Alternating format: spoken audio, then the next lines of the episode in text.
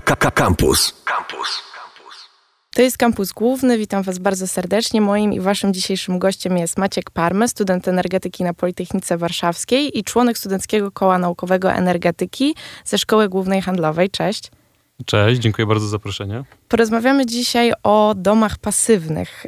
Myślę, że to jest takie hasło, które może wzbudzać jakąś naszą wyobraźnię, ale chciałam zapytać Ciebie e, na początek właśnie, czym jest ten dom pasywny?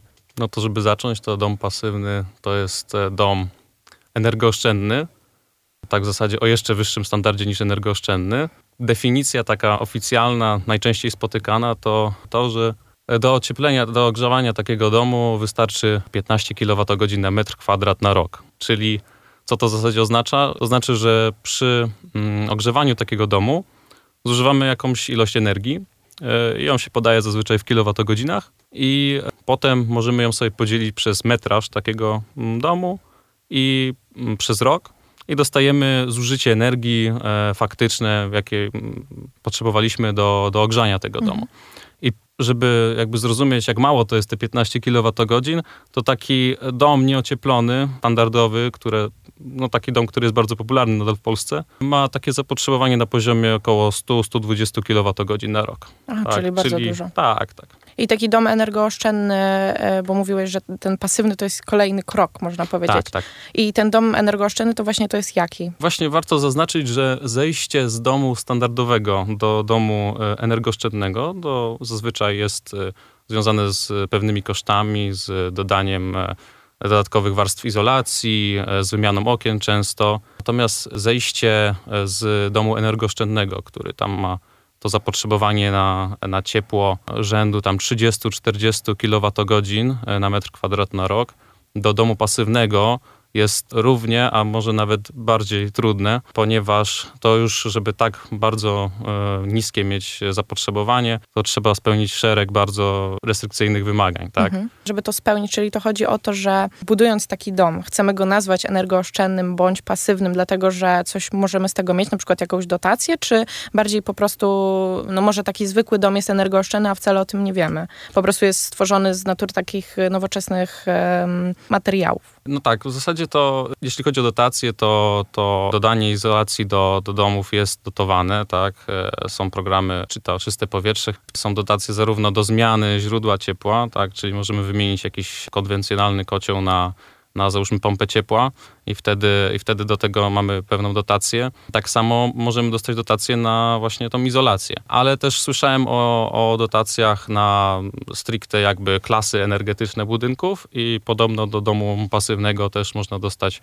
na przykład 50 tysięcy złotych. No to jest całkiem sporo. Jak myślę sobie o domu pasywnym, to wyobrażam sobie taki bardzo nowoczesny budynek i tak naprawdę czym on się charakteryzuje, czym on się wyróżnia e, od innych takich klasycznych domów? Dom pasywny rzeczywiście wygląda nowocześnie, ale e, łatwo go rozpoznać, ponieważ ma taką krępą budowę. Mhm. To znaczy, to jest taki zazwyczaj prostopadłościan, prosta budowa, nie ma żadnych balkonów na przykład. I e, jeśli spojrzysz na jego północną stronę, to albo jest mało okien bardzo, albo są te okna bardzo małe. Mhm. E, natomiast jakbyś przeszła na drugą stronę, od strony południowej, to te okna są dużo większe mhm. i często pokrywają większość w zasadzie elewacji, ponieważ e, strona południowa charakteryzuje się tym, że, że z tej strony dużo świeci słońca zimą i wykorzystujemy energię tego słońca, żeby ogrzewać ten dom, tak? mhm. tak, żeby e, nie musieć właśnie włączać żadnego źródła konwencjonalnego czy ogrzewania, ponieważ e, wbrew pozorom to, to słońce zimą, które jest słabsze, przez takie okna duże od południowej strony potrafi dać dużo zysków cieplnych. I taki dom pewnie jest obudowany z każdej możliwej strony w panele fotowoltaiczne i inne e, źródła pozyskiwania tej energii. W zasadzie to y, niekoniecznie, ponieważ y, zazwyczaj osoby, które, które zastanawiają się nad budową takiego domu, właśnie też są zainteresowane tym, żeby być jak najbardziej dobrymi dla środowiska, ale nie zawsze wiąże się to z budową kilkunastu paneli fotowoltaicznych, ponieważ i moim zdaniem to jest bardzo fajne, że w przypadku takiego domu pasywnego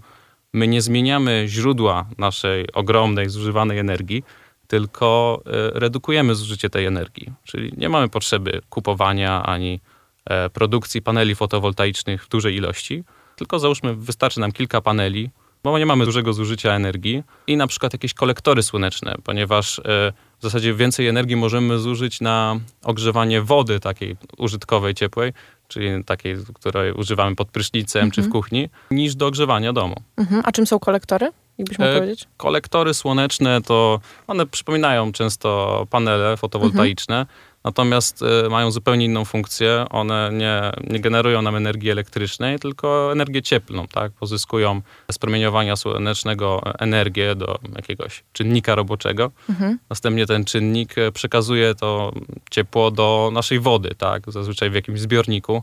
Ten zbiornik powoli się nagrzewa w słoneczny dzień i nie musimy tej wody, której używamy właśnie do mycia się, do, do zmywania, nie musimy tej wody ogrzewać jakimś konwencjonalnym mhm. źródłem laik w ogóle by nie rozróżnił takiego panelu, a jednak tutaj efekt jest zupełnie inny w tym przypadku, a oszczędzamy dużo. Tak, no zdecydowanie. W zasadzie to są dwa typy takie główne tych kolektorów. Są kolektory płaskie i są mm, takie rurowe, mhm. e, próżniowo-rurowe dokładnie i one już widać pomiędzy nimi różnicę. No Więc jasne. jak ktoś zobaczy taki kolektor próżniowo-rurowy, to raczej rozpozna, że to nie jest panel fotowoltaiczny, Natomiast e, taki kolektor płaski jest bardzo podobny. Myślę, że warto wiedzieć, że są takie rozwiązania przy budowie własnego domu czy, czy remoncie.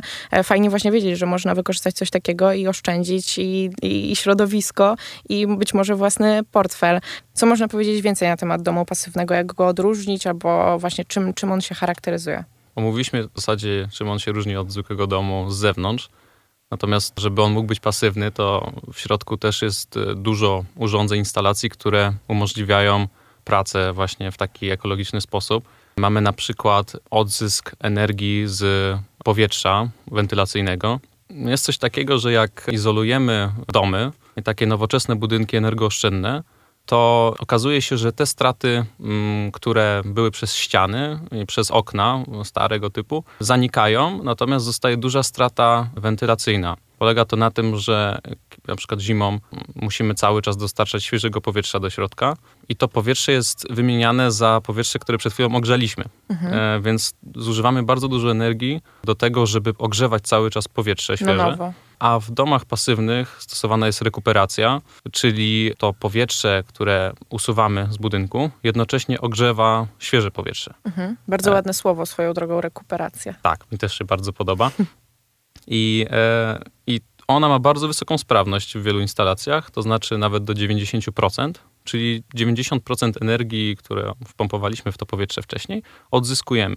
Mhm. Trochę mi się to skojarzyło z tym obiegiem zamkniętym w samochodzie, który można włączyć i tylko, że to akurat jest chyba niebezpieczne z tego, co słyszałam, żeby tak ciągle mieć to włączone. E, nie wiem, na ile to jest niebezpieczne, natomiast no, to jest trochę jak porównanie tej rekuperacji do klimatyzacji. Mhm. Klimatyzacja też nam ogrzewa powietrze, tylko e, cały czas to jest to samo powietrze, które było e, w, w budynku. Mhm a rekuperacja jest też związana z filtrami, więc często jest tak, że no w zasadzie bardzo często w domach pasywnych to powietrze jest e, po prostu dużo lepszej jakości. Tak? Czyli jednak i ono nie ma kontaktu z tym powietrzem. E, znaczy, są instalacje, w których e, część powietrza jest zawracana, natomiast w domach pasywnych nie wydaje mi się, żeby one były często stosowane. Mhm. E, po prostu to powietrze przez wymiennik, szczelny wymiennik, oddaje ciepło do świeżego powietrza, więc mhm. to powietrze jest po prostu wysokiej jakości. No i co jeszcze można wyróżnić tutaj w domach pasywnych? Bo nie chcę, żeby było mylone, że dom pasywny jest takim nowoczesnym domem z Aleksą w środku i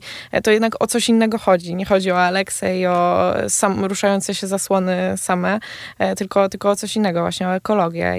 Tak, no takie domy pasywne, one wcale nie muszą e, mieć nawet internetu, to nie o to chodzi, tak, więc, więc tu chodzi o jakość wykonania, tak, mhm. czyli e, w zasadzie to jest to, co jest dobre dla środowiska, czyli kupujemy materiały najwyższej jakości i w, tak, w takim budownictwie nie ma miejsca na jakąś fuszerkę, czyli mhm czyli w zasadzie odpada nam wiele kosztów, które w domu standardowo zrobionym by nam się pojawiły po, po, kilku latach. No tak, bo po prostu tutaj każde niedociągnięcie może spowodować to, że właśnie będziemy tracili tą energię, czyli działali, można powiedzieć, przeciwnie do zamierzonego celu. Dokładnie. Są nawet prowadzone takie próby szczelności, żeby są jakieś certyfikacje domów pasywnych i żeby mhm. taki dom był certyfikowanym domem pasywnym, musi przejść próbę szczelności. Mhm. E, w drzwiach stawiana jest taka płachta z wentylatorem, jest tworzone nadciśnienie w domu i się hmm. sprawdza, ile tego powietrza ucieka. Aha. E, jeśli tam, jeśli się nie mylę, jeżeli 60%, e, jeżeli powyżej 60% objętości powietrza w takim budynku ucieknie w ciągu godziny, no to już nie dostanie te, tej certyfikacji. Mhm. A to jest e, stosunkowo mało w porównaniu do, do innych budynków, więc tam naprawdę nie ma miejsc na, na szczeliny, nie ma miejsc na, na fuszerkę i, i dlatego też te domy są bardzo trwałe, tak? Bardzo mhm. długo y, będą mogły stać i nic się z nimi nie będzie działo. Czyli można powiedzieć, że warto jest zainwestować w taki dom, bo, bo jak się domyślam, to musi być trochę droższe niż e, budowa zwykłego takiego tradycyjnego domu, właśnie chociażby ze względu na te materiały. Tak, no tu y, można długo o tym rozmawiać, czy to się opłaca, czy nie, szczególnie w Polsce, ponieważ tutaj jeszcze ceny tych materiałów są dosyć wysokie. To nie jest typowy budynek w Polsce i, i też często trzeba e, zamawiać materiały w zasadzie na wymiar, tak, robione elementy budynku, co jest dużo droższe. Natomiast jeśli spojrzymy na Niemcy, gdzie w ogóle powstał pierwszy budynek pasywny pod koniec lat 80., i oni rzeczywiście e, od dłuższego czasu już się tym zajmują, to, to u nich ta, ta cena jest e, rzędu załóżmy kilku do 10% wyższa i to już realnie się zwraca po, po, po kilkunastu latach, tak? Jakie są takie motywy budowy domu pasywnego, jak myślisz? Bo czy tu właśnie chodzi o to, że, e, że ma nam się to zwrócić ekonomicznie, czy raczej ludzie myślą o środowisku budując go i chcą się jakoś do tego przy, przyłożyć albo ewentualnie wspomóc ten trend nowy w budownictwie? Wydaje mi się, że do tej pory, jako że to jest dosyć, e, to są dosyć innowacyjne projekty, to głównie są to osoby, które, które chcą mm, jak najlepiej dla środowiska mhm. i przez to, że jest to trochę droższe, to, to też mm, rzadziej się patrzy na swój portfel w tym wypadku.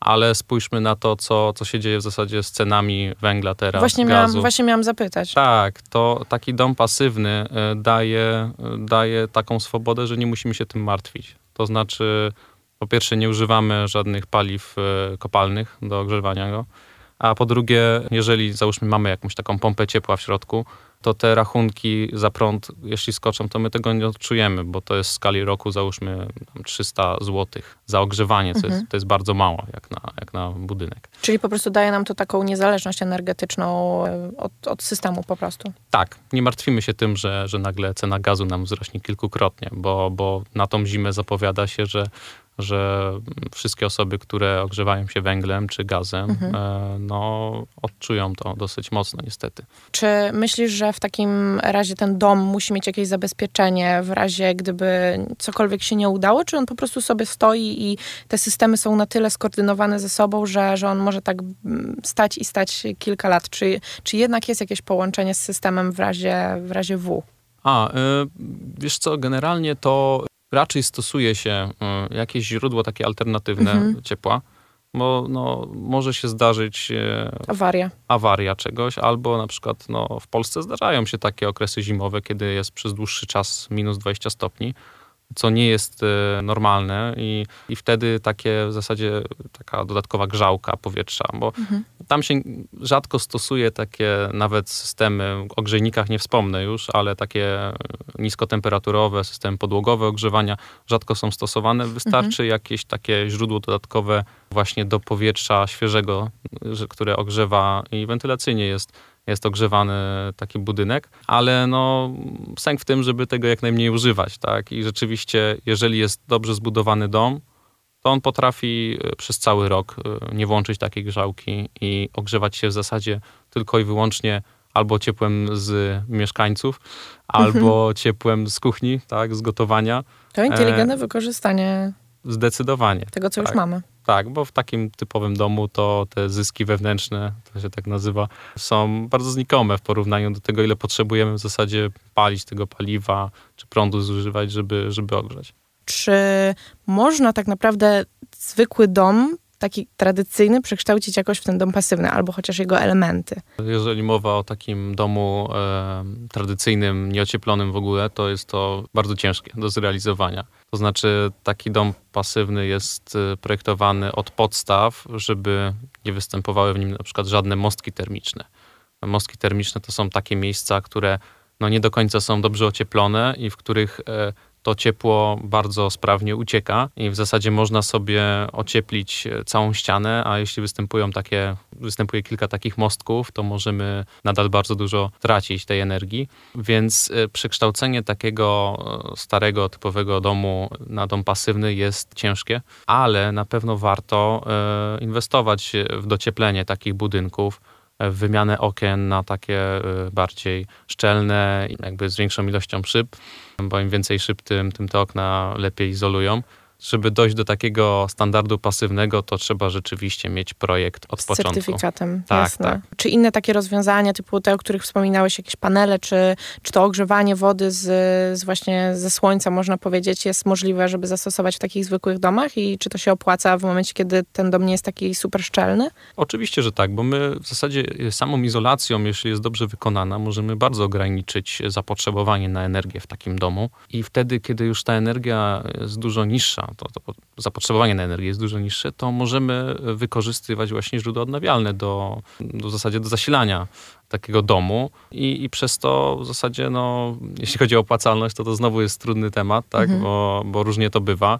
E, teraz się zmieniły też przepisy dotyczące paneli fotowoltaicznych niedawno, więc mm, więc to też jest trudny temat, ale no na pewno warto e, inwestować tak, żeby potem mniej mieć kosztów takich zmiennych, tak? Ponieważ wtedy jesteśmy w miarę uniezależnieni od, od cen właśnie węgla. No teraz przecież osoby, które, które się ogrzewają węglem będą miały no, trzykrotnie albo czterokrotnie wyższe rachunki. To jest no, nie do pomyślenia po prostu. To znaczy myślę, że tutaj w ogóle musimy się zacząć przestawiać nasze myślenie i właśnie zapominać powoli o tym węglu, a myśleć, skupiać się właśnie na tych rozwiązaniach, które nas od niego oddalą, bo jak widzimy, to już po prostu będzie nieopłacalne i należy jakoś ustawiać swoją mentalność pod tym kątem odnawialnych źródeł energii. Ale właśnie a propos propos źródeł energii, chciałam cię zapytać o wodór i o ogrzewanie, znaczy o wykorzystywanie wodoru w, w przypadku takich domów pasywnych albo ogólnie budynków energooszczędnych, bo jak wiem, tutaj są takie głosy, że być może można by było wykorzystać właśnie wodór w tym, w tym aspekcie.